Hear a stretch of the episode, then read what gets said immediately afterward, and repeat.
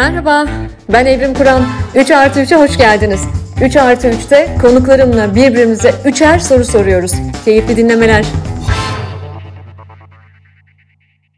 Herkese merhaba. 3 artı 3'ün bu haftaki bölümünde konuğum dünyanın duyduğu masallar değişirse dünyanın da değişebileceğine inanan biri. Bir anlatıcı ama bence bir çağdaş dengbeş. Judith Lieberman. Judith hoş geldin. Hoş bulduk Evrim. Çok mutluyum burada olduğum için. Ben de burada olduğun için çok mutluyum. Ve e, her 3 artı 3'ün başlangıcında olduğu gibi ben seni, bendeki karşılığını anlatacağım dinleyiciye ve sonra birbirimize, evvelce birbirimizle paylaşmadığımız üçer soru soracağız. Efendim Judith, e, elbette açılışta da söylediğim gibi bir anlatıcı. Türkiye'de masal anlatıcılık hareketini canlandıran isim hem de öyle ne biçim bir canlandırmak yani öyle 3 yıl, 5 yıl, 10 yıl, 20 yıl sonra falan değil adeta asırlar sonra. Judith e, sahnede, festivalde, şirketlerde, e, galerilerde, okullarda, hastanelerde aslında aklınıza gelebilecek her yerde online ve offline e, ve çok çeşitli ülkelerde, Türkiye'de, Fransa'da, Amerika'da, Kanada'da, Hindistan'da 1997'den beri masal anlatıyor ve insanlara da masal anlatıcılığını anlatıyor ve öğretiyor. Sorbonne Üniversitesi Linguistics bölümünde master'ını yapıyor Judith ve sonra Pomona Üniversitesi'nde tiyatro eğitimi, Paris'te hikaye anlatıcılığı eğitimi alıyor, konservatuvarda alıyor. Ee, aynı zamanda 2010'dan beri sanat terapi, tiyatro, doğaçlama, yoga, mindfulness, şiddetsiz iletişim alanlarındaki deneyiminden beslenerek yaratıcılığı ve insanların bireysel farkındalığını artırdığı inziva kampları yapıyor, seminerler yapıyor, atölye çalışmaları yapıyor. Yaptığı harika çalışmalar var. Hatta hemen önümüzdeki günlerde başlayacak yeni çalışmaları da var. Bunun için anlatmaokulu.com web sitesine gidebilirsiniz. Orada masal çemberlerini ve anlatma okulu programlarının detaylarını da görebilirsiniz. Judith 6 yıl boyunca NTV Radyo'da bir sürü konukla Masal Buya radyo programını hazırlıyor, sunuyor. Bugün bunu YouTube kanalında yapıyor. Bir Tutam İlham programını sunuyor kendi kanalında. Benim onunla tanışmam yıllar önceye dayanıyor. Sanırım 2015, yanlış hatırlamıyorsam 2015. Evet, 2015'te Masal Terapi ilk kez çıkıyor, ilk e, kitabı yayınlanıyor. Benim bir dostum o sırada anlatıcılık meselesine çok meraklı olduğum için bir dostum bana masal terapi kitabını armağan ediyor, gönderiyor eve e, ve e, sıkıntılı zamanlarım olduğunu hatırlıyorum ve o kitabı başucu kitabım yapıyorum ve her gün kalktığımda rastgele bir sayfa açıyorum sanki bana bir mesaj gelmiş gibi. E, hala da burada kitaplığımda e, çok sevdiğim kitaplarımdan biri. Tabii devam ediyor Judith. Masal terapi, masallarla yola çık. Bir masal iyi gelir, önce hayal, taş çorbası, e, gibi e, yola çık gibi kitapları da var e, ve diyor ki masallar çocukları uyutmak, büyükleri uyandırmak için anlatılır. E, ne güzel, keşke bir an evvel uyanabilsek uyuduğumuz derin uykulardan biz yetişkinler olarak. Judith 3 artı 3'e hoş geldin. Hoş bulduk Evrim. Çok teşekkür ederim. Ve e, ilk sorum geliyor. Hazır mısın hmm, ilk soruma? Heyecanlıyım bakalım. bakalım evet ben de heyecanlıyım. Çalışmadığın bir yerden mi soracaksın diye merak Hiç ediyorum. Hiç zannetmiyorum.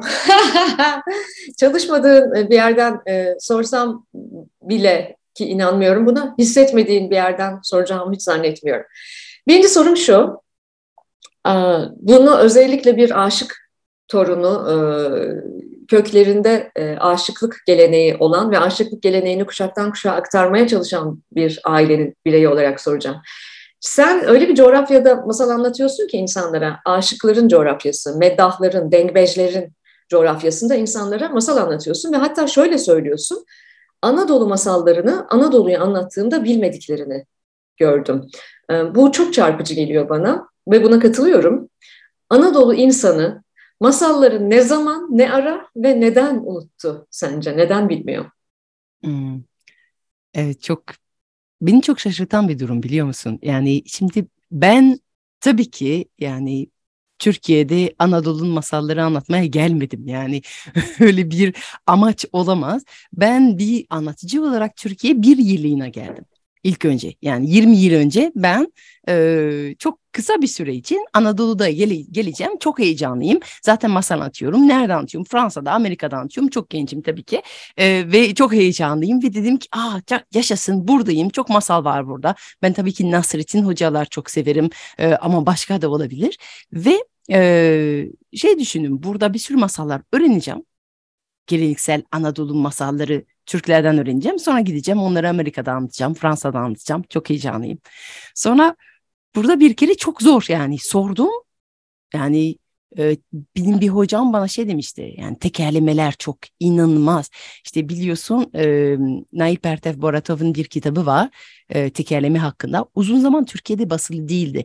Yani Nail Pertev Boratov'un bütün e, işler uzun zaman Türkiye'de yasaklanmıştı gidiyor Nail Baratov bir e, masal uzmanı gidiyor köy köy derlediği masalları kitaplaştırıyor ve ona Fransa'da basılıyor. Le Tekerleme diye bir kitap vardı. O kitap Türkiye'de basılı değildi. Çünkü işte yazdığı masallar olduğu gibi yazıyor. Yani duyduğu gibi yazıyor. Çünkü bu bir antropolog yani antropoloji işinde alıyor ve gerçekten olduğu gibi gösteriyor ve yani hükümet bunu beğenmiyor. Olmaz. Bu, bunlar bizim masallarımız olamıyor. Olamıyor. Çünkü tabii ki içinde her tür hikayeler var. Kahvede anlatılan bütün masallar çok temiz olmayabilir. İçinde küfür olabilir, içinde biraz bel altı hikayeler olabilir. Yok biz bunları istemiyoruz diyorlar. Ee, ve o yüzden bu işler yayınlanmıyor. Şimdi biraz böyle bir dönem var. Her ülkede e, köylülerin işleri beğenmiyoruz. Masal dediğin bir köy işi. Şimdi genellikle e, köyde anlatılıyor. Sonra şehire gidiyoruz. Göç ediyoruz. Sonra şehire geldiğimizde biraz köylülere üstten bakmaya başlıyoruz. Köylülerin anlattıklarını bize ne üretebilir demeye başlıyoruz. Yani gerçekten bir bakıyoruz o metinlere aman işte bu mu edebiyat, bu mu halkın edebiyatı demeye başlıyoruz. Bu mu, bu ağız mı, bu e, bu mizah bize yakışmaz. Hatta bir hükümet bunu yasaklıyor olabilir resmen yani e, Türkiye'de köylülerin mizah, köylülerin e, sözleri, kelimeleri, cümleleri beğenilmeyip e, Nail Pertev Boratov'un e, işleri uzun bir süre artık öyle değil ama uzun bir süre Türkiye'de yayınlanmıyordu. Bu doğal bir süreç aslında. Türkiye'de sadece o aşamada olduğu için unuttu. E, eğer yani Avrupa'da köyden göç daha evvel yapılmış. Bu yüzden daha evvel bu kısmı yapılıyor. Sonra belli bir zamandan sonra köyden yeterli kadar uzaklaştığımız zaman benim arkadaşım var. E, o da bir evrim. E, evrim Örçel Özünel e, Ankara'da bir e, masal uzmanı ve e, o şey anlatıyor. Orada bir köy var. Yani bu şarkı var ya herkesin bildiği. Orada bir köy var. İşte o köy hiç gitmesek hala bizim köyümüz gibi bir şarkı var. Ben çok iyi bilmiyorum. E, yani ancak gerçekten köyden öyle uzaklaştığımızda, öyle gitmemeye başladığımızda ki onu romantik bir yer olarak görmeye başlıyorsak o zaman merak ediyoruz ve o zaman farklı yeniden keşfedebiliyoruz masalları. Şimdi benim e, eşimin annesi var. E, köyde büyümüş. Yani o köyü çok sevmiyor. yani bir, biraz birkaç nesil geçtikten sonra o diyor ki yani köy Yok ya düşman başıma yani çok zor bir hayatımız vardı. Çok e, pis bir hayatımız vardı. Ne kadar zorluklar vardı. Şimdi şey seviyor yani kolay temizlenen koltuklar, kolay temizlenen bir ev, işte biraz böyle modern hayatın getirdiği. Ya galiba birkaç nesil uzaklaştıktan sonra köye başka bir bakışla bakıyoruz. Hani bu eski el yapımı kilimler, hani bu eski ve o zaman hani bu eski masallar vardı ya diyoruz bir iki nesil sonra iyice aşık olacağız. Kaybettiklerimiz ama tabii ki öyle ironik ve üzücü bir şey var ki bir iki nesilden sonra kaybetmiş de olacağız ve yeniden keşfetmemiz gerekecek. Neyse ki yani o kadar üzülmeyelim. Ee, mümkün yani masal gelenekleri yeniden canlandırmak mümkün. Ee, büyük bir iş yapılıyor. Yani Türkiye'de acayip halk bilim bölümleri var. Onlar köy köy geziyorlar, acayip derleme yapıyorlar. Yani üzücü tabii ki yani gönül ister ki canlı bir sözlü gelenek devam etsin ama en azından masallar değerleniyor. Bazen insan şey diyor, aa Anadolu'da unutulmaya yüz tutmuş bütün masalları kurtarmamız gerekiyor. Ara sırada böyle bir hareket var. Ben de ilk e, Türkiye'de masal anlatmaya başladığımda ve bu e, halk bilimcilerle birlikte çalışıyordum ve herkes bana diyordu ki aa Anadolu'da bir sürü unutulmaya yüz e, tutmuş hep böyle bu bu tabirle yapılıyor. Unutulmaya yüz tutmuş masallar diye böyle bir kelime grubu var böyle. Hep böyle aa Anadolu'da unutulmaya yüz tutmuş masalları var onları kurtarmamız gerekiyor. Sonra halk bilimcilerle konuşuyordum. Onlar şey diyorlardı affedersiniz de biz ne yaptığımızı zannediyorsunuz? Yani e, bazen ara ara biri kalkar ve der ki ben gideceğim Anadolu gezeceğim ben işte derleyeceğim bütün unutulmaya yüz tutmuş masalları. Bazen bana diyorlar ki sen git köylerde unutulmaya yüz tutmuş masalları bulmaya. Ben diyorum ki yani benim yapabileceğim bir iş değil, benim uzmanım değil. Benim uzmanlığım modern bir yani şehirli e, modern bir dinleyiciye masalları yeniden e, yeniden sunmak ve yeniden anlatmak. Yani yeniden anlatmak yeni bir metin yaratmak demektir. Çünkü masallar öyle. Masallar aslında yazılmaması gerekiyor normalde. Yani yazıl, yazılıyorsa biraz derin dondurma ya sokmak gibidir yani.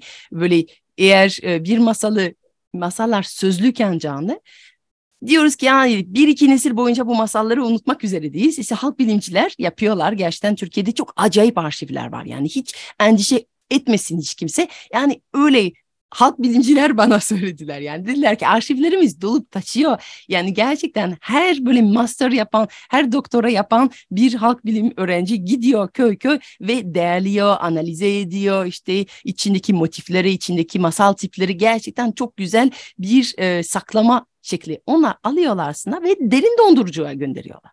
Çünkü bir masal teze girmiş yani canlı mı? E, canlandırılabilir hale canlı yani tıpkı e, yani işte derin dondur, dondurucu. Benim işim bu. Ben masalları e, kütüphaneden çıkartıyorum, kitaplardan çıkartıyorum. Yani derin dondurucudan çıkartıyorum ve benim işim onları yeniden pişirmek ve yeniden paylaşmak.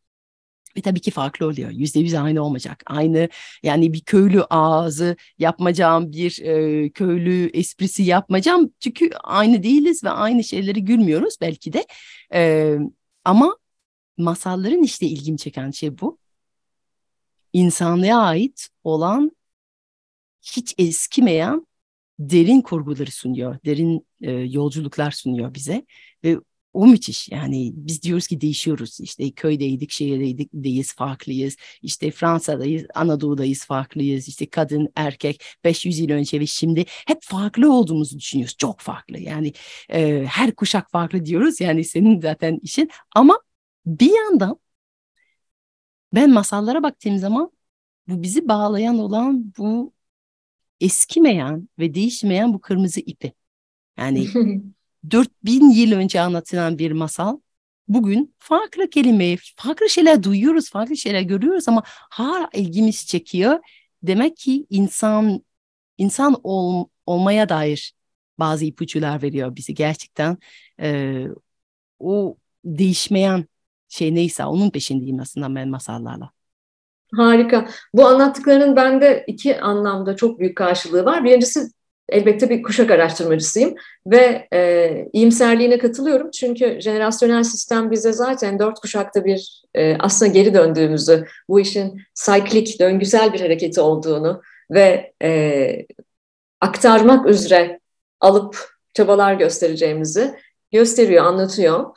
E, o yüzden ben tekrar canlanacağını, ölmediğine inanıyorum. Öte yandan da bir aşık e, torunu olarak, o gelenekten gelen biri olarak hatta e, Türkiye'de e, Aşıkça isimli bir dergiyi e, çıkarmaya çalışan e, bir ailemiz de var.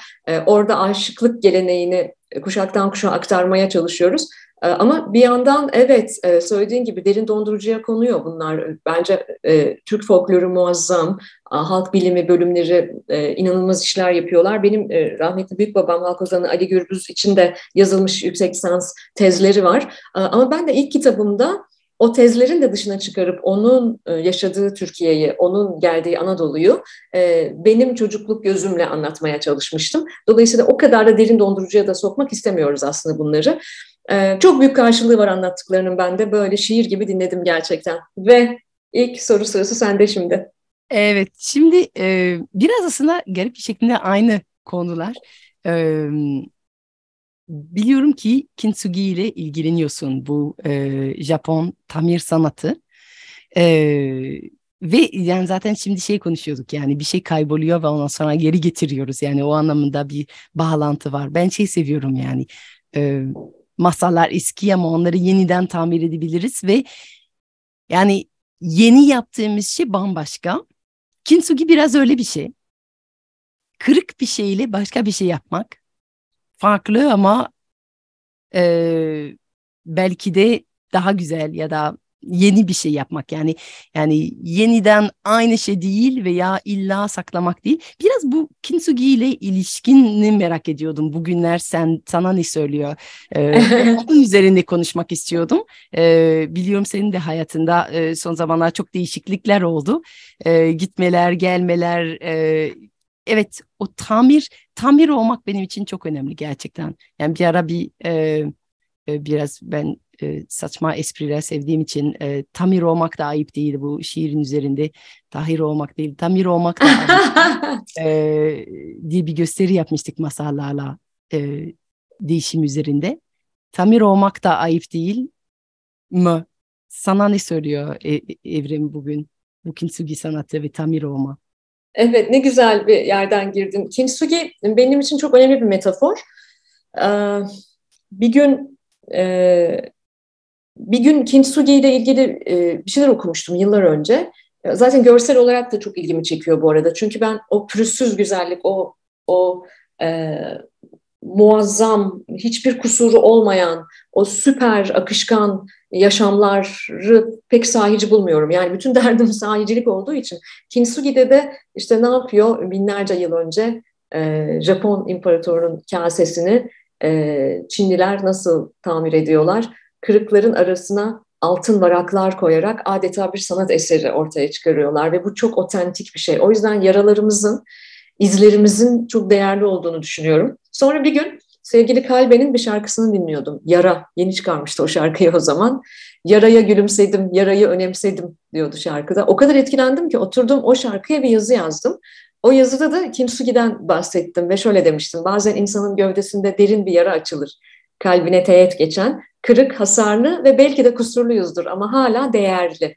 Yara en büyük öğretmendir. Darbeyi nereden aldıysak o yerin uzmanıyızdır artık. Kintsugi kasesi gibi eşsiz bir eser olduğumuzu söylemiştim orada. Ee, benim için bu çok önemli gerçekten. Çünkü e, profesyonel hayatımda da, özel hayatımda da, oğlumla ilişkilerimde, özel yaşantımda, e, çalış, çalışma arkadaşlarımla ilişkilerimde hep şunu şuna inanıyorum. E, düştük ve düşürdük ve kırıldı. Konu testiyi veya kaseyi kimin kırdığı değil. Konu ne öğrendik? Buradan ne öğrendik? Yani onun içindeki hikayeyi e, duymak istiyorum ve insanlar da duysun ve görsün istiyorum. Yani bir daha yenileceğiz ama daha iyi yenilelim. Daha bir başka türlü yenilelim diye. O yüzden Kintsugi kasesinin benim için çok çok büyük bir önemi var. Kendim de öyleyim. 46 yaşındayım ve bir sürü kırıklıklarım var, kırgınlıklarım var. Ee, kişisel gelişim endüstrisi bize affet, affet, affet diyor işte izlerini diyor geçir diyor falan. Hayır affetmek de istemiyorum çünkü benim öğrenmelerim var orada. Affettiklerim var, affetmediklerim var. Ama ben e, bütün bu e, derin uzmanlıklarla birlikte yaşamak istiyorum ve e, kedi gibi yaralarımı kendim yalayarak iyileştirmeyi seviyorum. O yarayı da orada görmek istiyorum. Onlar benim öğrendiklerim, öğretilerim. Kintsugi kasesindeki altın barak izleri gibi. Altından onlar. Çok değerli, çok e, ince, çok zarif. E, böyle düşünüyorum. Yani kırık ve hasarlı olmanın güzel bir şey olduğunu ve çok da değerli bir şey olduğunu düşünüyorum. Evet yani bende de şey sen şey söylerken yani bu, bugünkü pürüzsüz hayatları yani bu inanılmaz beni ürkan bir şey. Yani pürüzsüzlük yani. Belki de yine işte o yüzden bu köye bağlanılıyor yani köy köy yaşamı bence çok daha fazla pürüzlü bir hayat. Yani e, biraz şey arıyoruz temiz olsun her şey artık işte kolay olsun her şey. Ama belki o zorluklar o pislikler içinde o çatlaklar içindeydi belki bütün güzelliği. İşte o, o sanatı ben de o yüzden çok seviyorum ya. O çatlakları altın dökerek e, belki o çatlakları bulmak için, kırılmak için geliyoruz. E, seni dinlerken de Leonard Cohen'in e, sözü tabii ki aklımda geldi. Ve sen de şimdi gülüyorsun. Belki sen söylemek istersin. E, ben de İngilizcesi olan daha fazla aklıma geliyor. There is a crack ama İngilizce'de herhalde, şey, Türkçe'de herhalde bir e, bir çatlak var her şeyin içine. İşte ışık e, onun içinden girer. E, evet ne güzel yani. şarkı değil mi? Ne güzel şarkı evet. Yani o çatlaklardan ışık sızıyor. Ee, Mevlana'nın da söylediği gibi, Cohen'in de söylediği gibi ve aslında bütün kadim bilgeliklerin işaret ettiği gibi ışık o çatlaklardan içeri giriyor. O yüzden tabii ki bu dijital dünyada özellikle de bu işte Instagram'da orada burada bu görsel dijital dünyada resmedilen ve servis edilen o mükemmel hayatlar, o mükemmel aşklar, mükemmel evlilikler, mükemmel dostluklar falan e, bunlara alıştı belki de e, tüketici artık tüketici diyorum çünkü bir şeyin üreticisi değilsek mutlaka tüketicisiyizdir. Geçenlerde enteresan bir şey yaşadım Judith. Enteresan değil bence çok normal de. E, ben seviyorum Instagram benim dijital günlüğüm. Ben onları kendime yazıyorum. Kendime yazarken de dostlarla paylaşıyorum. Tanışamadığım, günlük hengamede tanışamadığım dostlarla. Bir, e, bir beyefendi bana şöyle bir mesaj yazmış. İşte baştan aşağı yazdığım birçok şeyi okudum. Sen ne kadar e, bunalım, e, trajik, dramatik birisin. Biraz hayatın tadını çıkar falan gibi. Halbuki ben kırıklarımı, çatlaklarımı yazıyorum. Çünkü biliyorum ki yalnız değilim. Benim sahiciliğimde, sözcüklerimde ben bunları hissediyorum. Ne hissettiğimi de oraya yazıyorum. E, kendimle iç konuşmalarımı yazıyorum ama biz e, artık öyle bir e, öyle bir e, naylon dünyanın tüketicisi olduk ki bunlara bile tahammül edemiyoruz bazen. Halbuki ben kendi masalımı yazıyorum orada. Evet bir de şey oluyor yani bazen bu e, sosyal medyada yani ikimiz oradayız ve, ve bazen acayip yorumlar var. Benim için hep şey oluyor yani kendimizi yasakladığımız olan şeyler herkese yasaklamamız gerekiyor. Yani şimdi öyle öyle pürüzsüz bir hayat sunuluyor ki bazen herkes böyle saklamaya çalışıyor. Yani harıl harıl halın altında süpürdüğümüz olan bütün e, kırıklıkları, işte tozları, pürüzleri, bütün çatlakları, bütün olmamışları falan böyle saklamaya çalışan biri için e, sosyal medyada herkesin görebilecek bir insanın böyle bir kalp kırıklığından bahsetsin, bir şeyinden bahsetsin aslında acayip bir yasak yani çünkü e, sana izin vermek demek kendine de izin vermek demektir ve kendine izin ver, vermeye hazır olan hiç kimseyi sana izin veremiyor. O yüzden her zaman şey diyorum yani e, yorum yazarak bir insana bir şey yapmaya yasaklamak kendimize izin vermekten daha kolaydır. o yüzden Aa, bazen evet. Evet hiç böyle düşünmemiştim ya gerçekten e, aydım şu anda çok e, doğru bir yer, yerinde bir yorum. Evet bana izin vermiyor benim kırıklıklarımı göstermeme çünkü kendine izin vermiyor. Kendine izin vermiyor. Yani e, o, o sosyal medyanın yorumlarına çok e, inandığım bir şey aslında. İzin veremiyoruz örneğin. Bir gün e, bir e, fotoğraf paylaşmıştım. Böyle burnumda bir, bir, bir dinleyici çekmişti. Komik bir fotoğraf. İşte masal gece oluyordu. Bizim masal geceler o zaman e, Beşiktaş'ta bir mekan vardı konteyner. Çok böyle ben şey seviyordum. Küçük mekanları seviyordum. Yani o sıcaklık o şeyi falan. Böyle e, pandemiden önce 10 gösteri yapardık. 150 kişiyle. Ama böyle 500 kişilik bir salona gir- girmek istemiyordum. 10 tane yapayım 100 kişi gelsin tıklım tıkış olsun. Böyle bir köy gecesinde üst üste bazen insanlar şey diyordu. Aa yerde oturdum işte taburede oturdum işte rahat değildi. Evet istiyorum yani böyle biraz rahatsız biraz şey olsun biraz böyle burada olduğumuzu hissedelim. Neyse orada böyle ben tabii ki normal bir tiyatro olmadığı için girip çıkamıyordum yani orada oluyordum herkes otururken ve o yüzden beklerken biraz böyle hani işte palyaçoluk yapıyordum. Ee, bir çocuk vardı önde. Ben burnuma kaşık yapıştırmıştım. Ve böyle burnu, burnuna böyle yaparsın kaşık yapışır. Böyle ellerim kaldırıyorum. işte burnum tutuyor. Biri fotoğrafı çekti. Ben de e, Instagram'da paylaşmıştım böyle bu kaşığı. işte böyle ah ne komik falan böyle burnuma e, fotoğraf e, kaşık paylaşmıştım. E, yapıştırmıştım.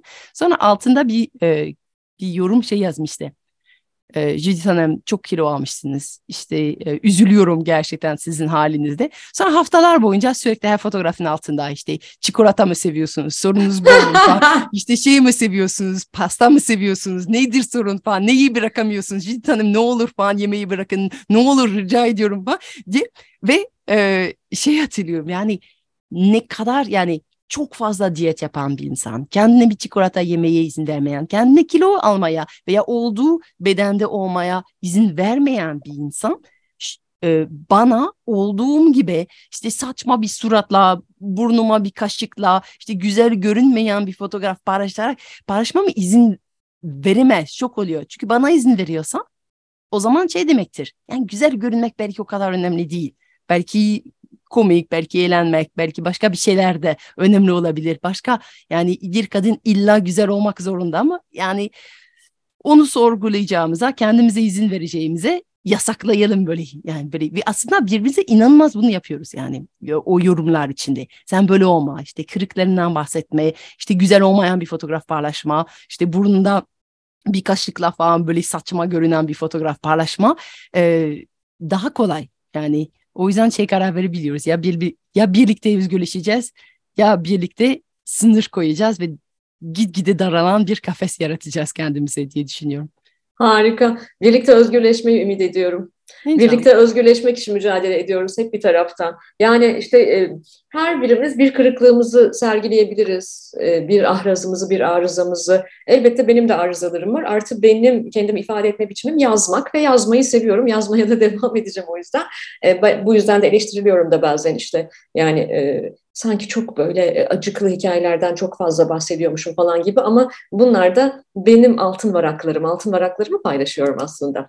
Hmm, Ve ben e, ikinci sorumu soruyorum. Şimdi bir taraftan Judith ben e, kapsayıcılık çalışıyorum. Çeşitlilik, hakkaniyet ve kapsayıcılık çalışıyorum. E, jenerasyon, kuşak çalışmamın e, etkilerinden biri oldu yıllar içerisinde bana. Çünkü her türlü ayrımcılığa karşı e, olmamız gerektiği hissine vardım hayatımın bir döneminde. Ve e, hem toplumsal cins, cinsiyet ayrımcılıklarına, yaş ayrımcılıklarına, e, bedensel veya ruhsal engelliliklerle ilgili ayrımcılıklara, e, türlü ayrımcılıklara, sınıfsal ayrımcılıklara karşı hassasiyetlerim gelişti.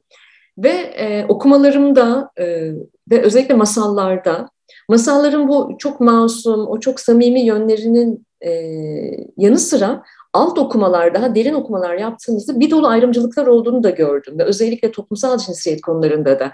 Mesela bir, bir feminist olarak e, bu benim daha da çok dikkatimi çekti tabii. Mesela işte kırmızı başlıklı kızın e, çok saf olması, böyle naif biri olması, e, ezik ve zavallı biri gibi resmedilmesi, Pamuk Prenses'in işte cadının verdiği elmayı yemesi, Pamuk Prenses'in işte çaresizce onu böyle bir prensin öpmesini beklemesi, Cinderella, Cinderella'nın bir kendini bir prense beğendirmeye çalışması, hatta bundan sonra e, bir sürü feminist e, e edebiyatta, feminist araştırmalarda Cinderella sendromu diye e, konseptler bile gelişti. E, yani bu uyuyan güzeller, kırmızı başlıklı kızlar, Cinderella'lar, bu kadınlar biraz bana hep böyle edilgen, pasif, hayatlarını kurtarmak için başka biri gelsin onları kurtarsın. Biz bu masallarla büyüdüğümüz için mi böyle olduk? Kuşaklardır ve bütün kültürlerde mesela bir yerde şunu okumuştum. Ee, Cinderella'nın kül kedisinin 3000 versiyonu olduğunu okumuştum dünyada. Yani bütün kültürlerde var bu. Ee, böyle bir arketip var sonuçta. Bu arketipi peşinen satın mı aldık? Ve bu masalları e, kız çocuklarımıza ve erkek çocuklarımıza, çocuklarımıza böyle anlatmak durumunda mıyız? Sana bunu sormak istiyorum. Masalların o ayrıştırıcı yönünü yönüyle ilgili ne düşünüyorsun? Şimdi aynı fikirde değilim. Şimdi şöyle bir e, şey inanıyorum. Bir kere masalları iyi bilmiyoruz. Hmm. Yani çoğu zaman aslında biraz hizli hatırladığımız kadar üstünde bir fikir ediniyoruz. Yani insana diyorlar ki bu ne işte bir uyan bir güzeli vardı ne? Bekliyordu. Prens uyandırsın. Aa hayır tövbe tövbe falan böyle. Beklemesin prens. Ama bir masala bak. Uyan güzeli prens mi onu uyandırmasını bekliyor? Hayır. Uyan güzeli kaç yıl uyuyacak? Hatırlar mısın sana bir soru Evrim? Kaç Çok uzun yıl yıllar uyuyacaktı galiba. Yanlış mı hatırlıyorum? Tam 100 yıl. 100 Tam yıl, evet. Yani böyle önce bir kötü cadı geliyor diyor ki 15 yaşındayken işte bir iğne ona batacak ve ölecek. Sonra bir sonraki gün diyor ki hayır derin bir uykuya dalacak ve 100 yıl boyunca uyuyacak. 100 yıl bu. Saat kuruldu. Bu kız hiç kimseyi beklemiyor. Doğru zamanı bekliyor. Doğru zamanı bekliyor. Hmm. Ve yüzyıl boyunca nice nice prensler duyuyor. Duyuyorlar ki ya bir yerde bir tane saray var. Sarayın etrafında çalılar var ve onun içine uyan bir e, kız var. Biz gidelim falan böyle bu e, prensesi alalım. Ne oluyor? Hepsi ölüyor. Yani masallarda erkekleri de e, yani beceremiyorlar. Prensler hep böyle beceriyor. Yani girmeye çalışıyorlar. Hepsi ölüyorlar. Sonra bir gün en zayıf, en böyle duyuyor bunu. Diyor ki Allah işte elini bir kılıç bir damıyor. Diyor ki ben ben bir gidip bir bakayım. Yalnız bu prensin farkı ne?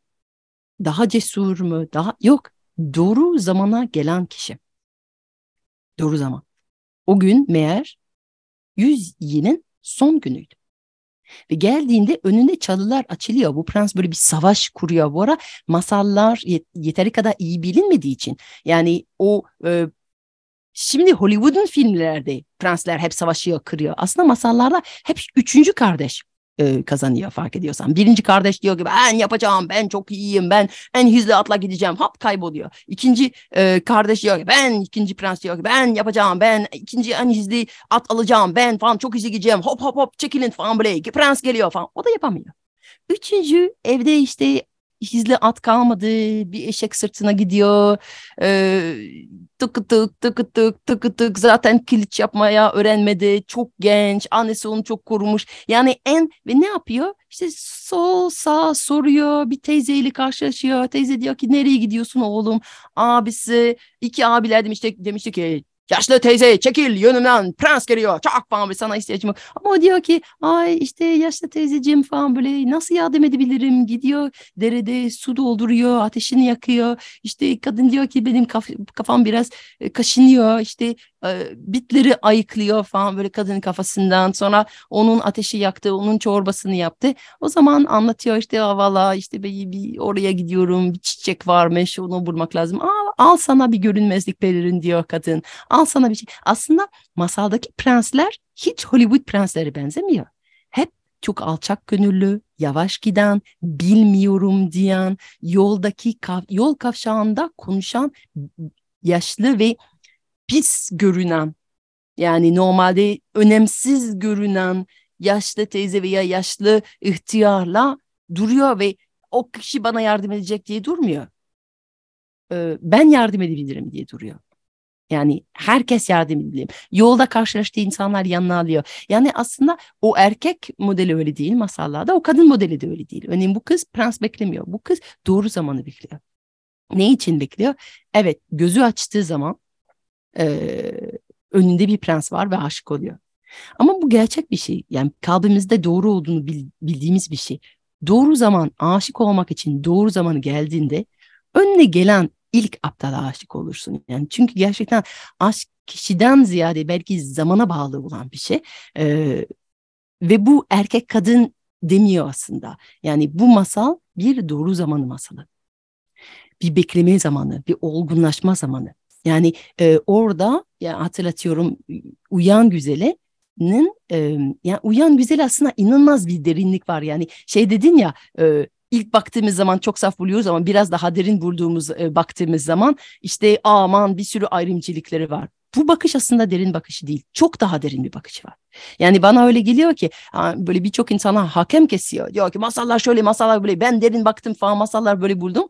Yok kardeşim sen daha masallar okumaya başlamamışsın. Özür dilerim yani şimdi Evrim bunu söylemekten ama biraz öyle yani e, 4-5 masal bir kere doğru söylüyorsun. Bazı masalların 3000 versiyonu var. İyi de bu teori yazan kişi o 3000 versiyonları okudu mu gerçekten araştırdı. Aslında bakıyorsan inanılmaz güçlü versiyonları var. Ben o yüzden çok kızıyorum yani bu bakışa. Çünkü e, yani bu uyan güzeli hiç de pasif değil. Ama ne oldu? Annesi babası dediler ki biz mükemmel bir insan istiyoruz. Mükemmel bir insan istiyoruz. O yüzden bizim ülkemizde 13 tane cadı var. 12'si iyi ortalama gücünde ama 13. en güçlü. Kimi çağırıyorlar? 12 cadı çağırıyorlar. Kim çağırmıyorlar? 13. en güçlüyü çağırmıyorlar. Ve bu 12. cadıları o prenses bebeğe bir sürü güzellikleri verecekler. Her şey veriyor ama güç dışında. Değil mi? Yani biri diyor ki çok güzel şarkı söyleyecek, biri diyor ki çok şirin olacak, biri diyor ki işte çok yardımsever olacak, biri diyor ki acayip resim yapacak. 12 tane böyle özel marifetler, mükemmel bir insan yapmaya çalışıyoruz. Ama neden 13. cadıyı çağırmadılar? Yani burada acayip sebepleri var aslında. Bu masallar işte paganizmden e, e, e, Hristiyanlığa geçiş dönemleri daha önce paganizmde var. 13 tane cadı cadı dediğimiz orada işte bu eski bilgelikleri pagan e, e, inançların e, bekçileri oluyor ve 13. cadı hem en güçlü aslında onların rehberi oluyor. Şimdi 13 öğrenci 12 öğrenci çağırırsın hoca çağırmasın. Neden çağırmadın? Çünkü kadın gücünden korktular.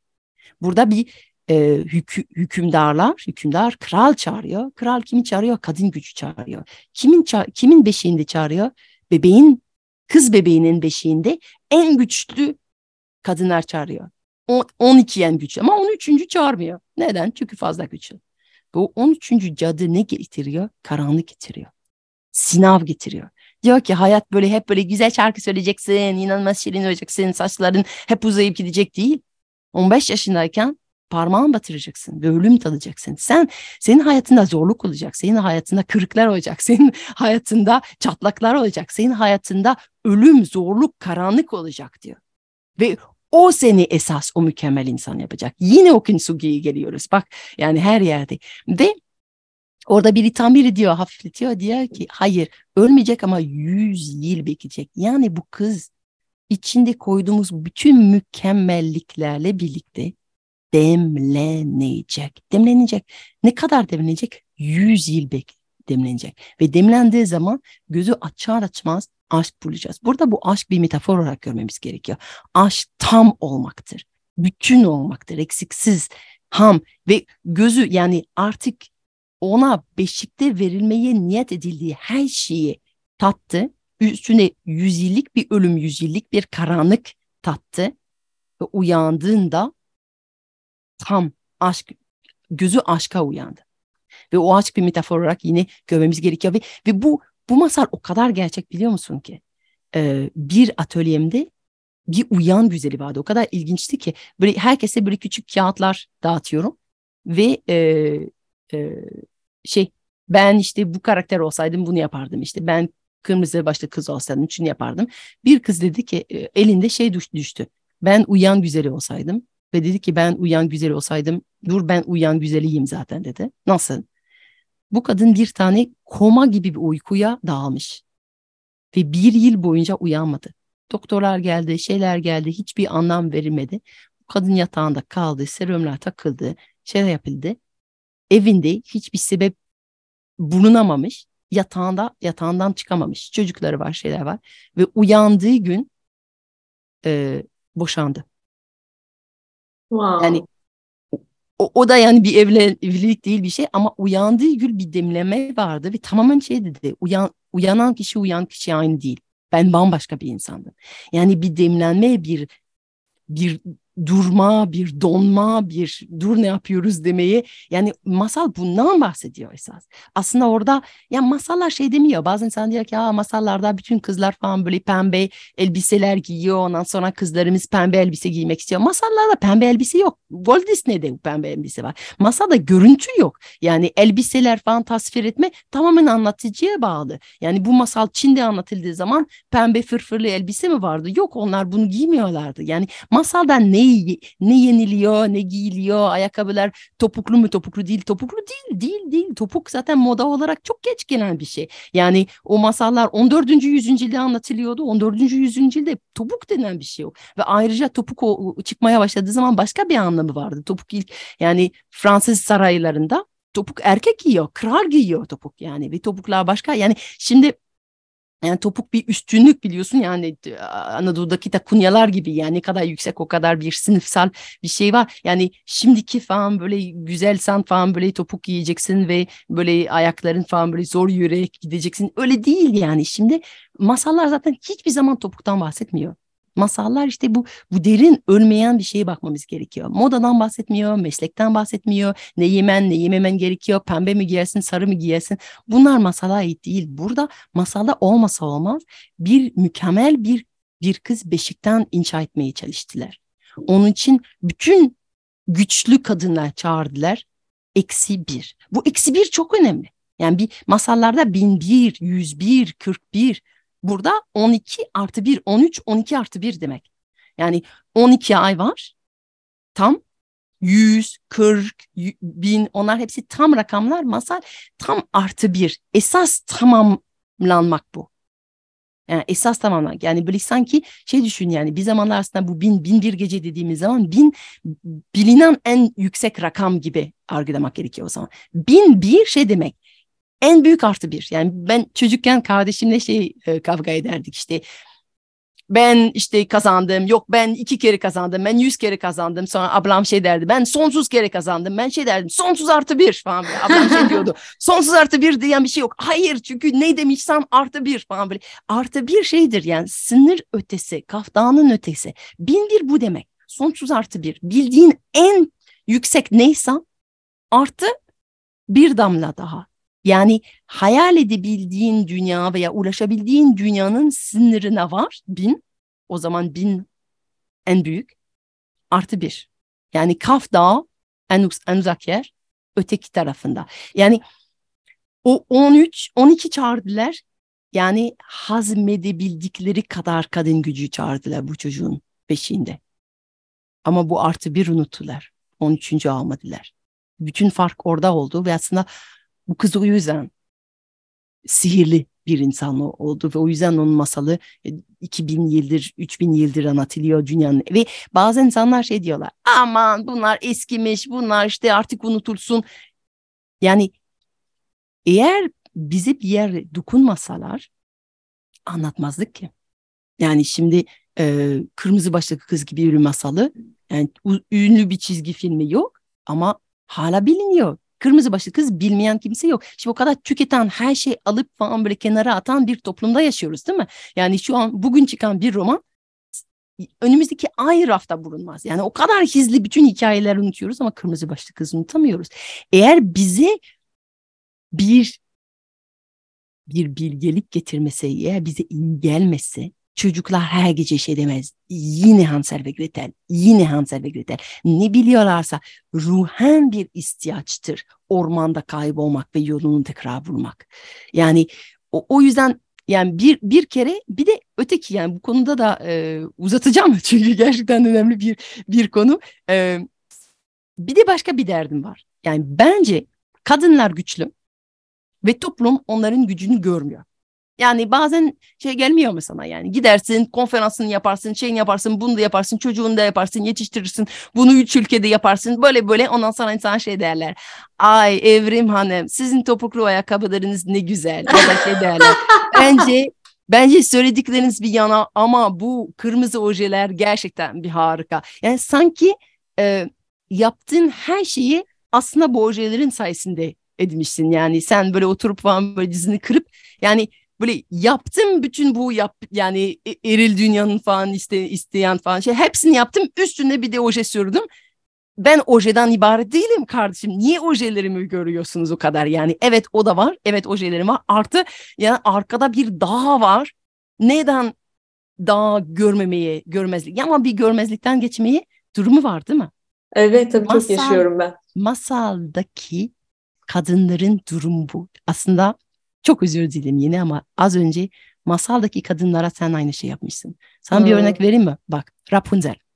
Rapunzel de çok edilgan falan böyle işte Shrek'te dalga geçiyorlar işte böyle ben de çok gülüyorum yani Shrek'e bayılıyorum. Shrek'teki bir sahne var ya böyle şey diyor hadi bir şey yapalım ondan sonra biri uyuyor biri falan şey yapıyor çünkü güya sadece kurtarılmaya bekliyorlar. Bir kere Rapunzel asla ve asla prens tarafından e, kurtarılmadı. Ne oluyor? Kız büyüdü. E, bir kule içinde hiç dışarıya çıkmamış. Gayet memnun. O da bir e, sabır şeyi. İşte kız falan böyle bir küçücük bir kulede şarkı söylüyor, şey yapıyor, saçlarını aşağıya getiriyor. Cadı geliyor. Cadı onu büyütüyor. Cadı onu seviyor bu ara. Yani bir e, onu korumaya çalışıyor. Gerçek dünyadan korumaya çalışıyor. Fazla korumacı bir anne rolü diye düşünelim.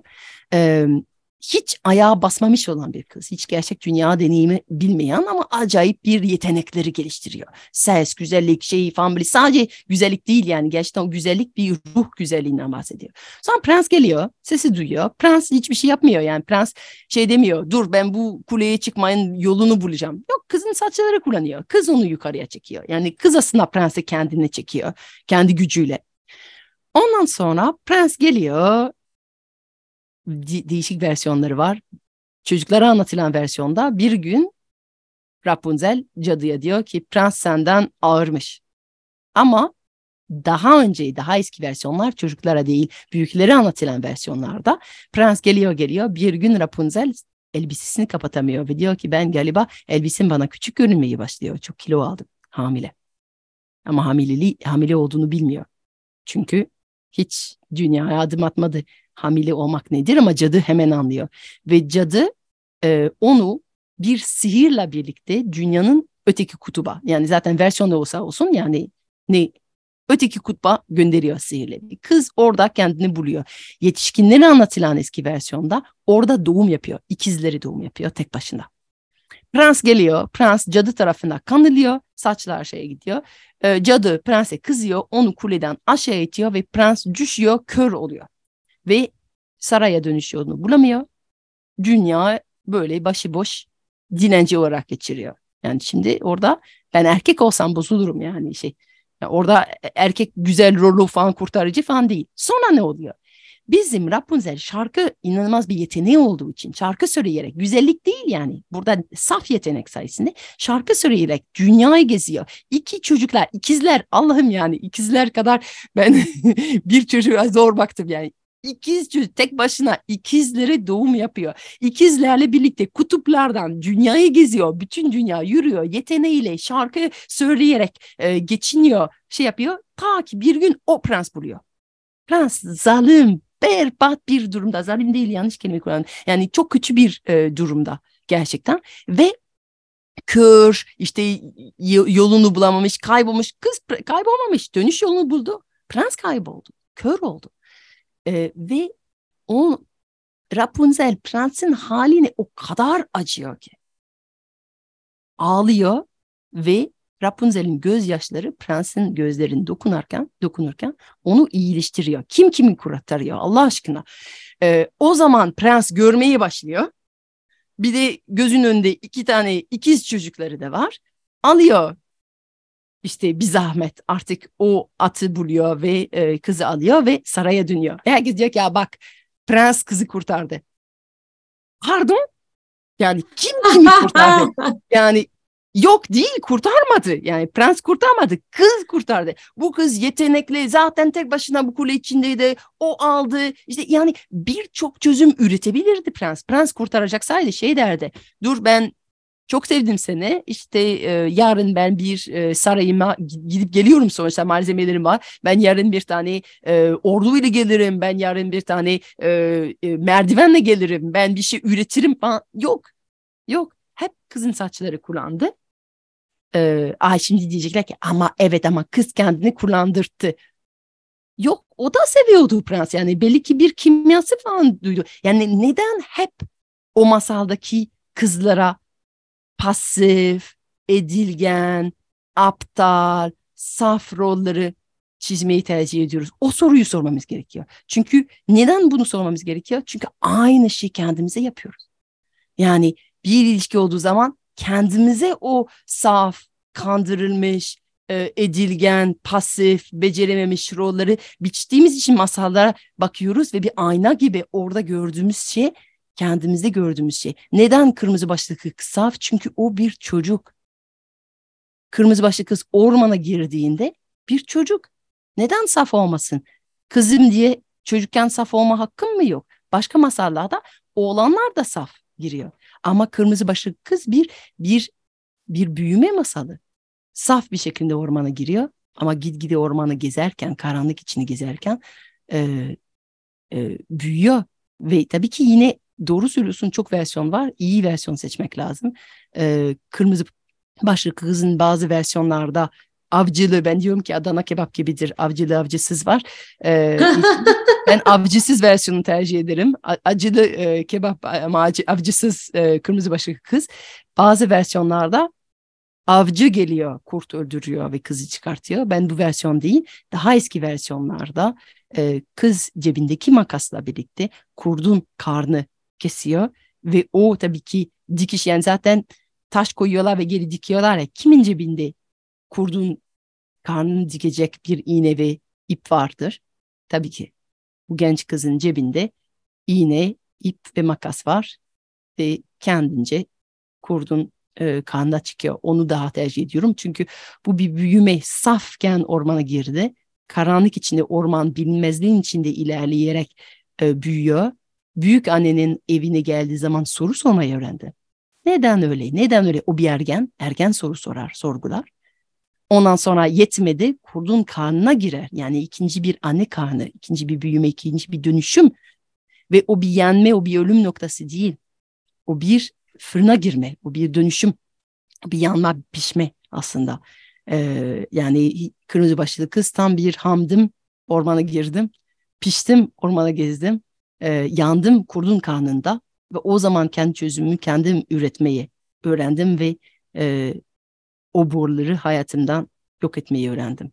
E, bir büyüme yani benim için bu bir kızın olması beni hiç rahatsız etmiyor. O yolculuk bana tanıdık ama bir olan çocuğa da anlatırım ve aynı bilgelik alır. Çünkü masalda aslında e, yani kız çocukları kel olan dinlediği zaman şey demiyor. Bu beni ilgilendirmiyor. Ben şu an empati kuramıyorum baş karakterle çünkü o bir oğlan demiyor. Yani ben çocukken kel olan masalları dinleyip onlar e, Fransa'da var, onlar e, Amerika'da da var kel olanlar, onlar Jack oluyor. E, işte bu e, bir kız olarak Jack olabiliyorum. Bir oğlan kırmızı başlı kız dinlediği zaman, bir erkek çocuk onu dinlediği zaman kırmızı başlı kız olabiliyor. Çünkü içimizde bir eril ve bir e, dişil tarafı var ve sonuçta ruhumuz ruhumuzun bir cinsiyeti olduğunu inanmıyorum zaten. Wow, harika. Ee, ben soruya başlarken demiştim ki derin okuma yaptım da yani alt metinleri okuduğumda böyle bir şeyle karşılaşıyorum. Alt okumalarda ayrımcılıklarla karşılaşıyorum demiştim. Ee, Judith şu an beni ikna etmiş durumda. Derin okuma yapmadın, alt okuma yaptın ama derin okuma yaparsan metaforlardan kaçınmazsın ve evet tesadüf yok, tevafuk var. Bu yayınlarda yüzlerce kez söylemişimdir.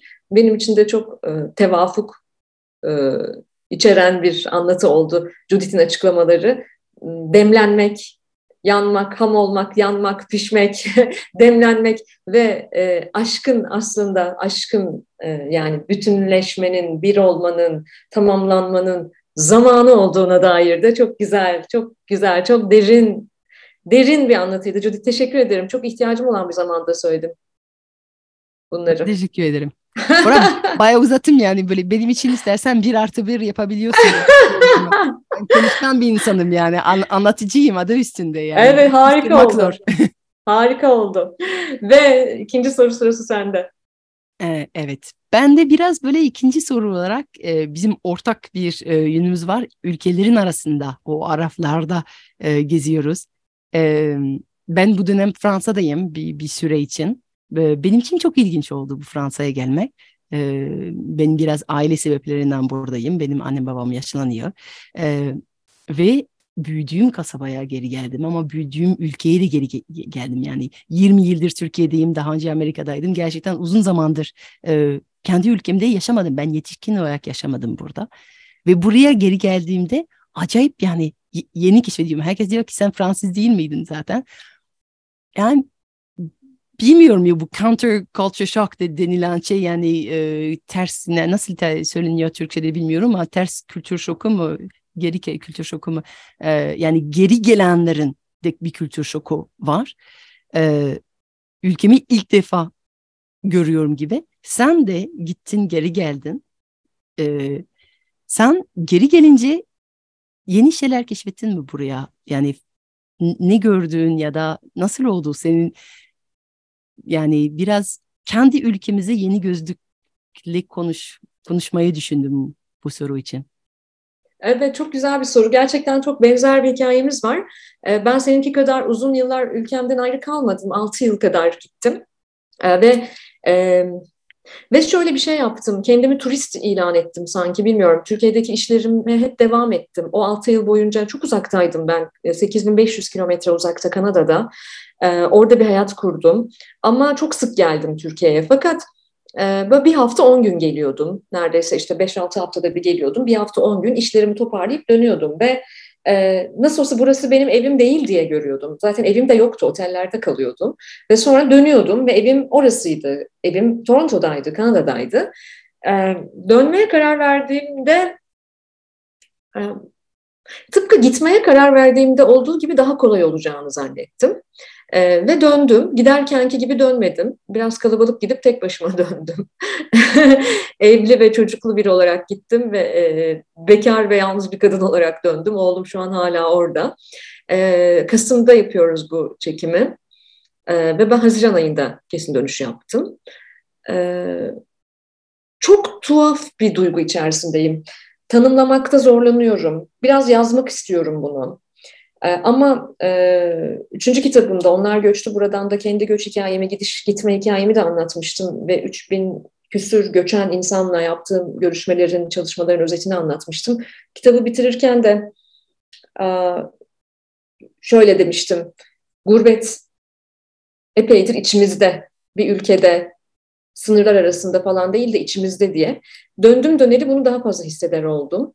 Ee, ülke neresi, ev neresi, tam olarak e, nereye aidim? Ee, oradan, o soruların yanıtından emin değilim. Ve dönüp geri geldiğim ülke sanki bu kadar kısa bir süre olmasına rağmen bıraktığım ülke değil mi acaba yoksa ben mi dönüştüm? Ee, bu sorular hep ucu açık sorular. Ama kendimi ne kadar ait hissediyorum dersen e, bir eldiven gibi oturmadı ülke üzerime. Çok iyi anlıyorum. Öte yandan Kanada'daki hayatımda da orası da bir eldiven gibi oturmuyordu üzerime. Yani fena halde arafta kaldım. Zontalık diye bir deyim var Türkçe'de argo, argo bir sözcük zonta. Zonta'nın tanımı şu. Zonta kırsaldan kente geliyor. Kırsaldaki hayatını beğenmiyor artık. Orayı oraya dönmek de istemiyor. Ee, ama kente adapte olamıyor. Fakat artık kırsala da dönemez. Arada bir yerde kalıyor yani. Ben bu anlamda tam bir zontayım şu anda. Türkiye'deki hayatımda. E... Duymadığım bir kelime. Çok cebime evet, atıyorum. Zonta. Evet. Zonta. ben de zontayım. zonta oldum yani bu işin zontası oldum ve özellikle son dönemlerde e, kendimi biraz daha fazla yalnızlaştırdığımı, daha içime kapandığımı falan düşünüyorum. Muhtemelen soruların yanıtlarını arıyorum. E, ve ev neresi sorusunu her zamankinden daha da fazla soruyorum. Yani göçmen bir kadınken, başka birinin ülkesinde, gurbetteyken, kendime başka bir kıtada yepyeni bir hayat kurarken bile bu kadar derinden hissetmemiştim bunu. Bunu itiraf etmem lazım.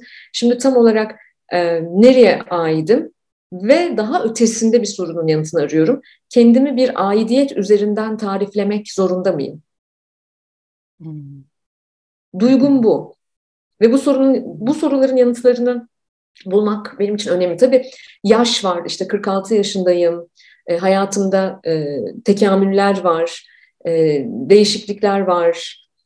Coğrafya değişmiş, duygu değişmiş, ton değişmiş, ben dönüşmüşüm, değişmişim. Bunların tabii ki etkisi vardır ama e, temelde galiba soru şu, bunu özellikle de bu dönemde işte ülkede kalacak mıyız, gidecek miyiz e, sorusu üzerinde çok fazla dönen insanlarla tanışıyorum, konuşuyorum, sohbet ediyorum, görüyorum. E, o yüzden bu soruyu gündeme getirmek ve insanların kalplerinde bu açık uçlu soruyu e, tutmalarını isterim. Ev neresi?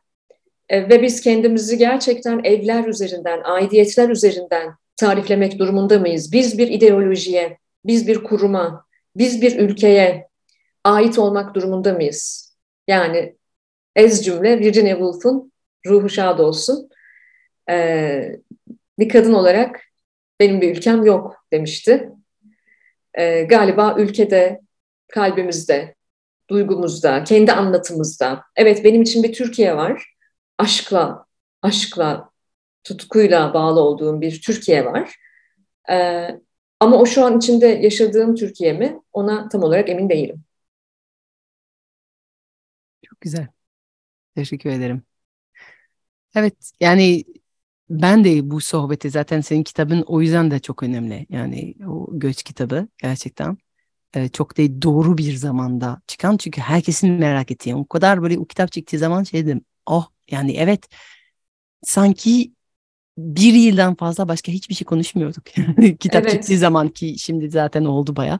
Ee, yani her buluştuğumuz zaman ben de zaten ailemin yanında işte babamın sağlık durumundan dolayı e, 9 ay gideceğimi söylediğimde hiç kimse benim döneceğimi düşünmedim. Dedim ki yo ben dönüyorum falan. Böyle sen dönmezsin. Ha? Yani çok ilginç evet yani ama ben dönüyorum. ben dönüyorum. En azından öyle düşünüyorum. yani senin de tabii e, kalbinde, gönlünde sana ait bir ülke var senin tasavvurunda olan e, bu kalpte bir şey. Bu bu kalpte, kafada, duyguda bir şey. Bu her zaman fiziksel olarak gidip oturduğumuz, sınırını geçtiğimiz falan bir yer değil yani. O yüzden e, ben kitabı, bu göç kitabını e, Behrengi'yi çok seviyorum ve onun Küçük Karabalığından aldığım ilhamla e, gidip o derenin nerede bittiğini görmek isteyen bütün küçük karabalıklara ithaf etmiştim. E, bizler böyleyiz.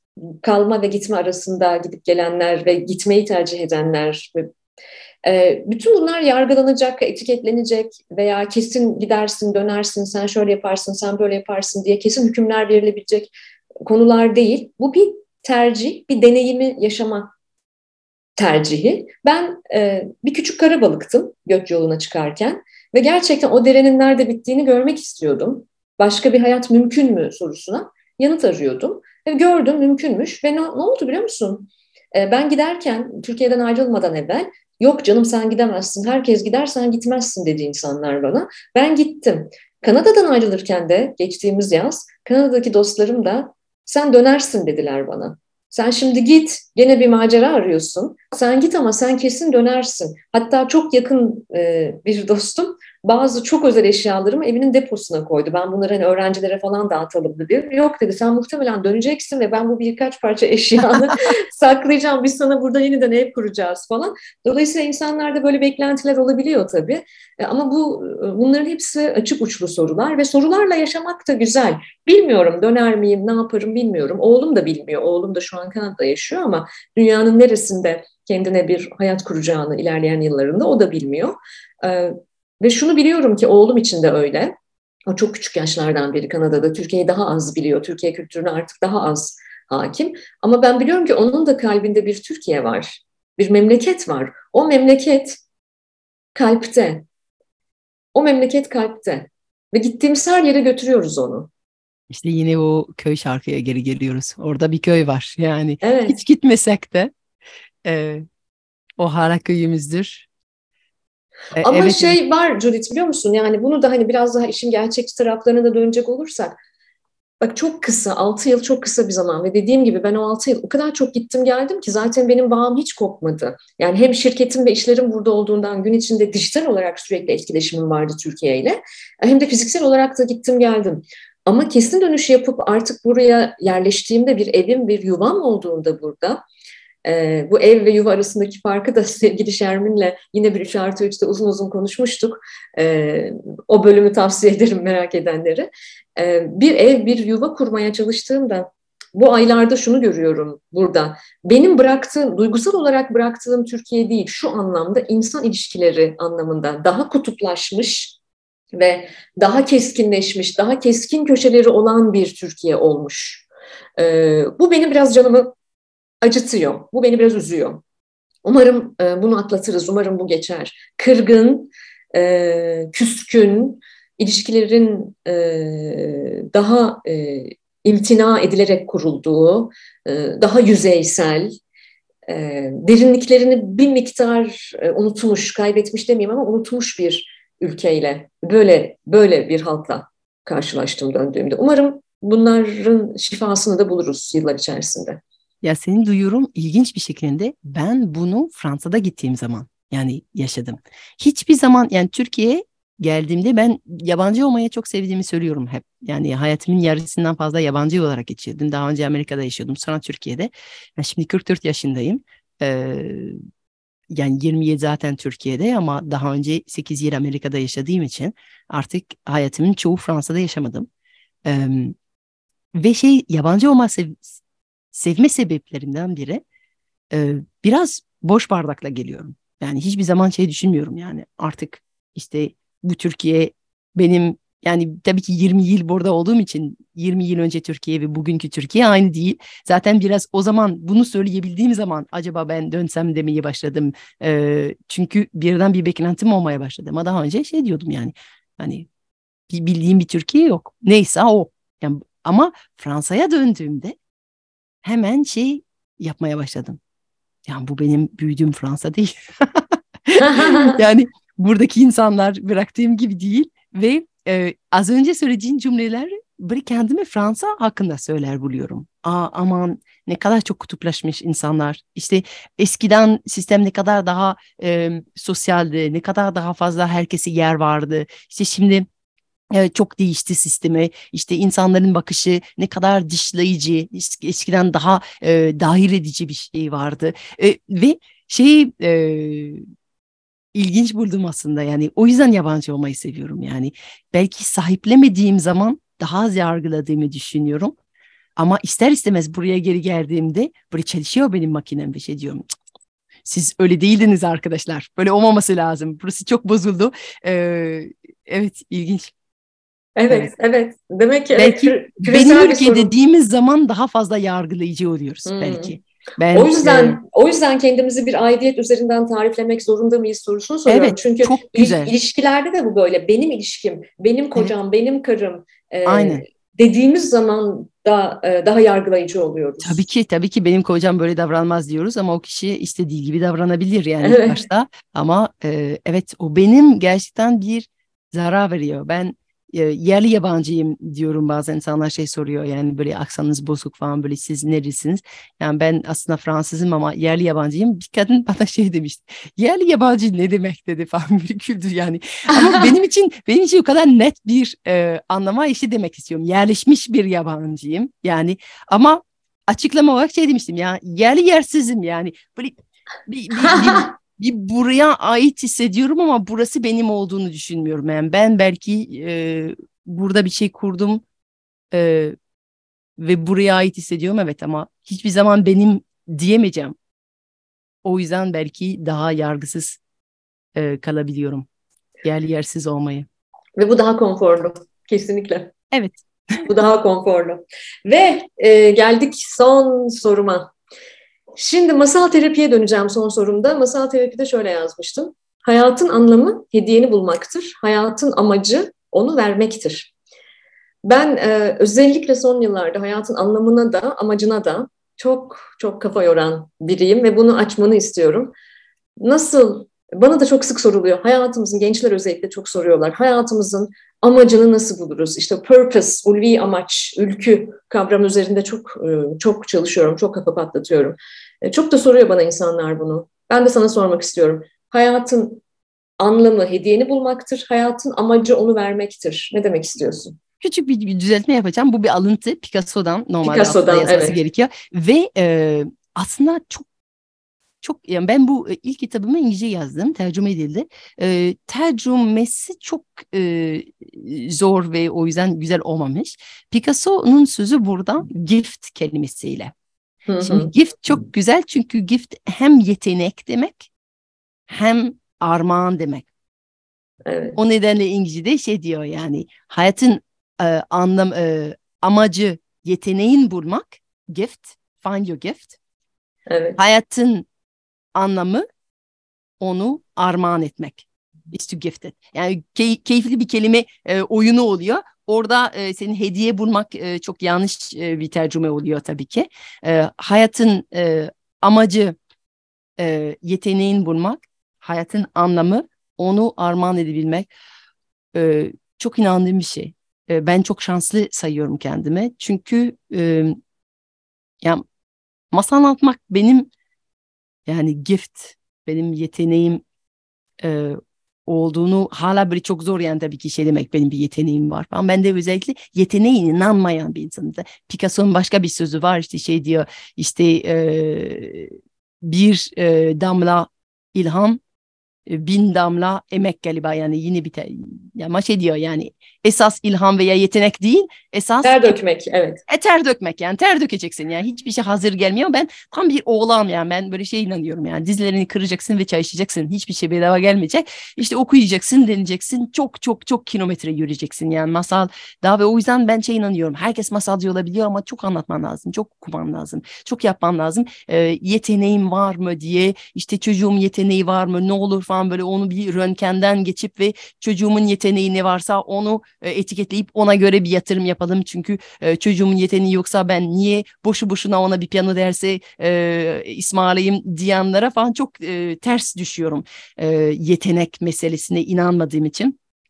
Ama e, şey inanıyorum. Gerçekten bazen bir bir uyum oluyor. Yani yetenek içinde hem yatkınlık bence hem tutku var. e, bir şey yatkınlığın olur. Benim eşim inanılmaz bir müzik kulağı var. İnanılmaz bir müzik kulağı var. Ama müzik tutkusu yok. Bir müzik enstrümanı alır, böyle doğaçlama yapar, çalır, çalar falan böyle. Bir şarkıcı gelir falan böyle ona eşlik eder. Ama ondan sonra bir daha dokunmaz. Müzisyen değil, çalmak istemiyor, öğrenmek istemiyor, derinleştirmek istiyor.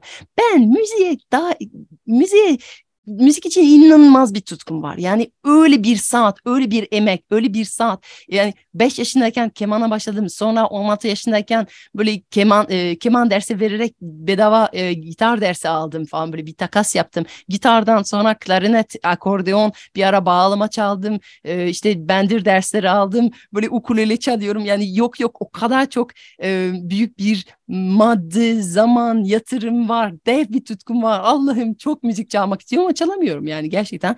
Yatkınlığım çok zayıf. Tabii ki yani 5 yaştan 44 yaşına kadar falan hemen hemen her zaman müzik senin hayatın bir yerinde varsa yani küçük falan böyle bir ling ling ling yapabiliyorum. Kendime eşlik edebiliyorum bir ukuleleyle ama verdiğim emek ve aldığım dönüşü gerçekten oran çok bozuk. Ee, ama anlatıcılık için öyle olmadı benim için. Yani verdim bir emeği ama e, dönüşü çok aldım. Çünkü orada benim tutkum var. Yani ölmez bir tutku ihtiyacın var çünkü bir yatkınlık yetmiyor. Yani başlar seni ateşletir, sana biraz yardım eder ve ama devam etmek için bu bitmeyen bir tutkuya ihtiyacım var. Ben bunu çok aradım. Çok farklı sanatlarda çalıştım. Seramikçiydim bir ara. Ben seramik heykel yapıyordum. Ee, orada e, şey vardı. Benim bence yatkınlığım okey yani yapabiliyordum gerçekten. E, tutkum vardı ama kimse onu satın almak istemiyordu. İşte o öteki tarafı var ya onu armağan edebilmek. Ama bazen öyle bir şey bir araya geliyor ki yatkınlığın var, tutkun var devam etmek için bir de bunu armağan etmeye geldiğinde insan diyor ki evet istiyorum senin masalını dinlemek. Evet istiyorum senin seramiğini almak. Evet istiyorum gel daha yaklaş ben senin müziğini dinlemek istiyorum. O üçü bir araya geldiği zaman e, müthiş bir şey. Picasso onu yaşayan bir insan olarak ve o yüzden hayatın en son zamana kadar inanılmaz dönüştü, dönüşerek hiçbir zaman e, kalıplaşmadı. Hiçbir zaman tek bir şey. Picasso seramiğe de girdi, e, dekupajlara da girdi, farklı farklı akımlara girdi. Hiç bırakmadı. E, gerçekten giftini buldu, yeteneği buldu, tutkuyla besledi ve armağan etme şansı yakaladı. Doğru çağ. Yani belki 100 yıl önce de olsaydı hiç bir şey olmazdı. Ee, veya 100 yıl sonra ama tam o yenilikçi bakışının na e, dünya hazır olduğu bir döneme denk geldi ve o zaman tam açıldı. Ee, yani kızım içinden büyük dileği o. Galiba bu şey e, değil mi? Japonların ikigai dediği e, mevzu. Yani e, bir tutkun var, e, iyi olduğun bir iş var. Bu çok sevdiğin bir iş aynı zamanda ve insanlığa hizmet edebiliyorsun ve karşılığında da hayatını da kazanabiliyorsun. Bütün bunların kesişimi. O yüzden evet bence de sen şanslı bir insansın. Ben de şanslı bir insan olduğumu düşünüyorum. Çünkü e, giftim olan yani hem hayatım bana armağanı hem de yeteneğim olan şeyi insanlara da gift etmek, vermek ve e, orada e, hayatımı da idame ettirebilmek gibi de bir şansım oldu. O yüzden bunun çok kıymetli olduğunu düşünüyorum. Gerçekten hayatın anlamını bulmak konusunda da ama çok önemli bir şey de söyledin. Dedin ki denedim, onu da denedim, bunu yaptım, şunu denedim. Çok şey denedim. Bu, bu yolculukta bu çok önemli. Ben de öyle, ben de çok denedim çünkü. Çok başarısızlığa uğradım pek çok konuda. Evet ve yani bu ara ben ilk başta hani ODTÜ'de öğretim görevliydim. Yani niye öğretim görevliydim? Çünkü ben şey inanıyordum. Sanatçı olacağım ve o yüzden sanatçı olabilmek için e, bundan para kazanmayacağım. Ve o yüzden e, İngilizce şey diyor diyoruz job ve work. Yani evet. o iki kelimeleri ayırt edebilmek. Yani kusura bak, bakmayın dinleyenler için ben böyle İngilizce kelimeyi yani şimdi gift kullanıyorduk çünkü çok pratik gift. Yani ne ilginç ki bir dilde yetenek ve armağan aynı şey. Çünkü bu ara yani e, gift e, Tanrı tarafından verilen bir yetenek ve o yüzden armağan edilmiş ve armağan edilmek üzere. E, e, burada yani illa tutkun ve para yani job para kazanmak için yaptığın şey work anlam bulmak için yaptığın şey. Ee, ve onlar illa birlikte olmak zorunda değil. Ben yolun başlangıçta birlikte gelmeyecekler diye düşündüm. Çünkü gün sonunda herkes çoğu insanlar için bir araya gelmez. Para için ve anlam için yaptığın şeyler ayrı olmasında bence hiçbir derdi yok. Ve bence günümüzde biraz kapitalist sistemi bize e, yaptığımız para için para kazanmak için yaptığımız şeyi yücelleştirmeye çok itiyor. Yani hı hı. senin yaptığın her job para kazanmak için her şey senin mutlaka tutkun olması gerekiyor. Yani ama mümkün değil yani. Bence hiç kimsenin falan böyle bir Excel tablo doldurmak üzere falan böyle inanılmaz bir aşk yaşamak zorunda değil. Yani şey diyebiliriz yani ben bunu yapabiliyorum, anlıyorum, yap, yaparım ve maaşımı alırım. Ama yani bu hayatımın anlamı burada bulmam gerekmiyor. Ama bulmuyorsam o zaman bunu ilan edeceğim ve kenarında başka bir şey yapacağım. Ben yolun başlangıçta aslında öğretim görevli olmalı diyeceksiniz ki öğretim görevli işte mutlaka bir tutku olmalı falan. Çok severek yaptığım bir iş, yapabildiğim bir iş ama benim hayatımın anlamı bu, burada değildi. Yani e, öğretim görevliydim. Bence e, hiç emeğimi geri tutmadım. E, bütün bildiğim her şeyi aktararak e, bu işi yaptım. Çok severek, çok sevdiğim öğrencilerim vardı. Ama bunu yapma sebebim kenarda seramikçi olabilmek için. Çünkü ben o yolun başlangıçta şey inanıyordum. E, benim ailem biraz beni öyle yetiştirmişti. Asla sanattan para kazanılamaz ama hayatın amacı hep sanattan olacağına inanmıştım. Amerika'da benim çok inanılmaz bir sanat hocamı buna ikna etmiştim. Ve o yüzden ben sanatçı olacaktım ve ondan para kazanmayacaktım. O yüzden iki yol yürümeyi hazırdım e, yan yana. E, bir araya birleştiklerinde ben şaşırdım gerçekten. Harika. Aynı şey, aynı şeyi e, hissettim ve yaşadım. Ben de yıllar önce ben sadece kuşaklarla ilgili çalışacağım, kuşaklarla ilgili araştırmalar yapacağım derken bir yandan başka bir iş de yapıyordum. Para kazandığım bir iş vardı ama buradan e, para kazanabileceğimi, hayatımı idame ettirebileceğimi yani e, hayatımın anlamı ve amacı ve yetenekli olduğum konuyu birleştirebileceğimi aslında pek bir kimse de inanmıyordu. Belki de benden başka kimse inanmıyordu diyebiliriz. E, ama bu mümkün. Bu mümkün tabii ki her mümkün olan konuda olduğu gibi bedeli var. Evet. Ve son soru sırası sende Judith. Evet, e, bu son kitabınla ilgili bir soru sormak istiyorum. Çünkü artık e, bir yıldan fazla oldu değil mi çıkalı? E, evet, e, bunlar, dur buradan... bakayım. Evet bir yıldan fazla oldu evet. Falan. Ee, evet. Bunlar buradan göçtü. Ee, yani şey çok güzel artık yani sosyal medya sayesinde kitaplarımız hakkında çok fazla geri dönüşüm alabiliyoruz ve bence tam sohbetin ortasına düşmüş bir kitap yani. Yani konu buydu bence yani. Evet. Tek konu belki buydu yani o dönemde konuştuğumuz şey yani gitmek kalkmak kim gitti orada nasıl yaşıyorlar işte deneyimleri ne neydir kim geri geldi ee, aldığın geri dönüşlerimden duymak isterim aslında. Yani evet. Ee, doğru söylüyorsun. Tam e, zamanlama olarak çok e, doğru bir zamanda ama tabii bir araştırma kitabını Aa, bu konu çok popüler hadi bunu yapalım diye böyle hızlı hızlı yetiştiremiyorsun. Çünkü e, bu benim üçüncü araştırma kitabım araştırmaların arkasında yaklaşık bir buçuk yıllık bir çok özverili bir süreç var. Çünkü biz hem kalitatif hem kantitatif çalışıyoruz. Dolayısıyla derin e, içgörü toplama kısmı da vardı onun. Fakat ben o kitabı yazmaya ikinci kitabımın araştırmasını yaparken yani Z bir kuşağı anlamak kitabı daha çıkmadan daha o araştırma fazındayken o kitabı yani bundan yaklaşık 4 yıl 3-4 yıl önce o kitabı e, bu son kitabı yazmaya karar vermiştim. Hatta şey e, çok enteresandır editörümle beraber e, can yayınlarına ikinci kitabın imzasına gittik işte kitap sözleşmesini yaptık. E, taksiye bindik dönüyoruz e, çıktık yayın evinden. Dedim ki Önder e, ben dedim göç kitabı yazacağım. E, kesin göç kitabı yazacağım dedim. Çünkü dedim öyle e, e, bulgular var ki bizim son dönem araştırmalarında. Bu gençler gitmek istiyor hep. Ve sanırım bu oran artacak da. Ve kendim de göçmenim ve ben bunları yazacağım dedim.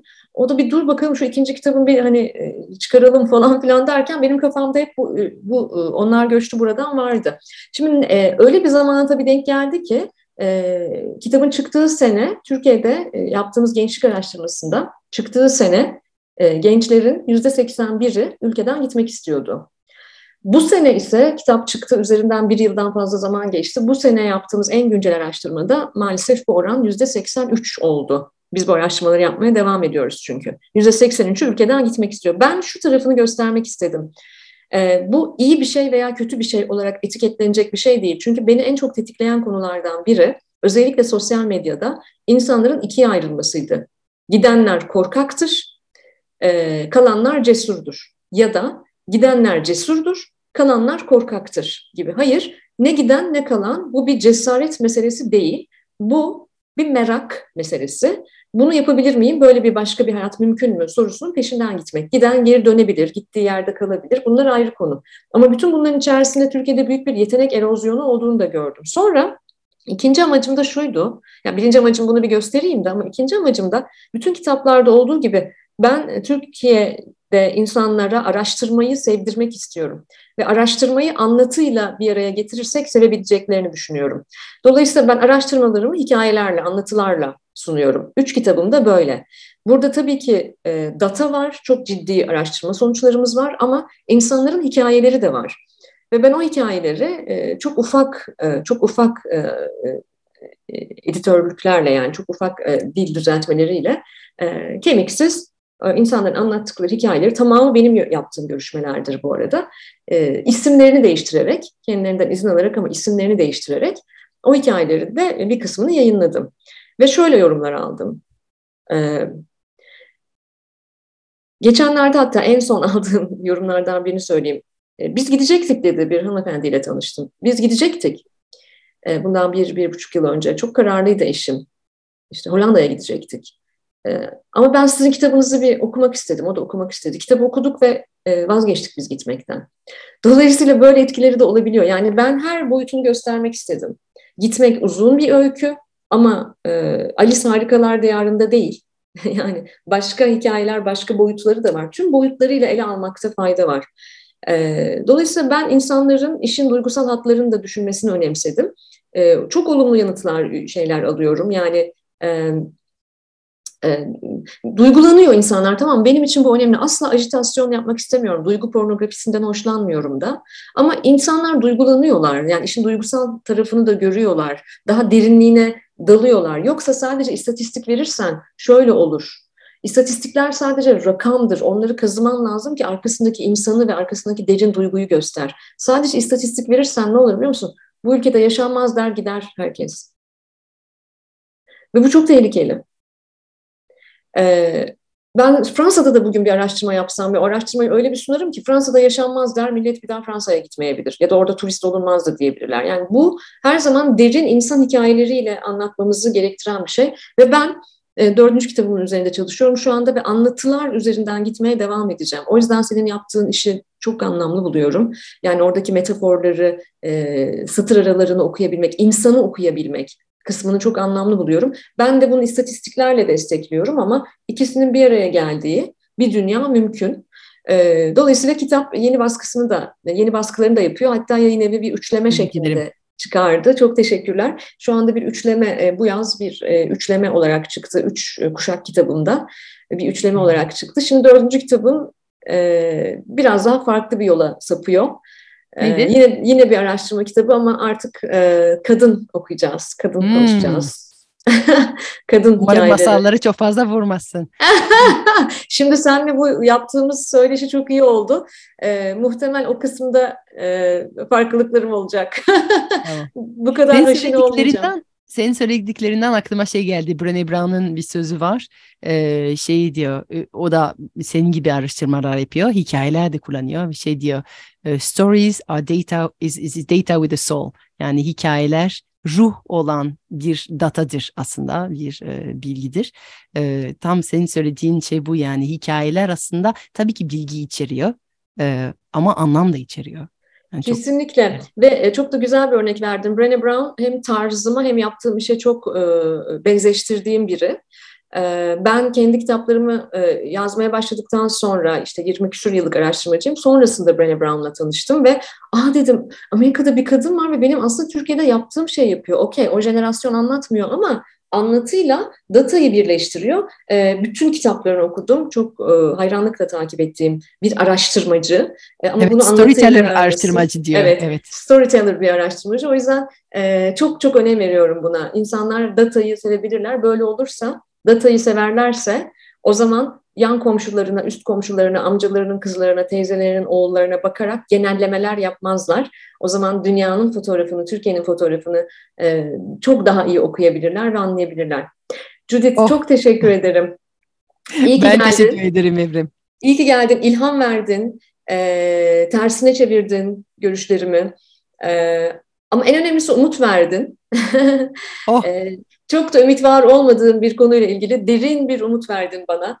Ee, çok teşekkür ediyorum. İyi ki geldin, iyi ki varsın. Ben teşekkür ederim Evrim. Çok teşekkürler.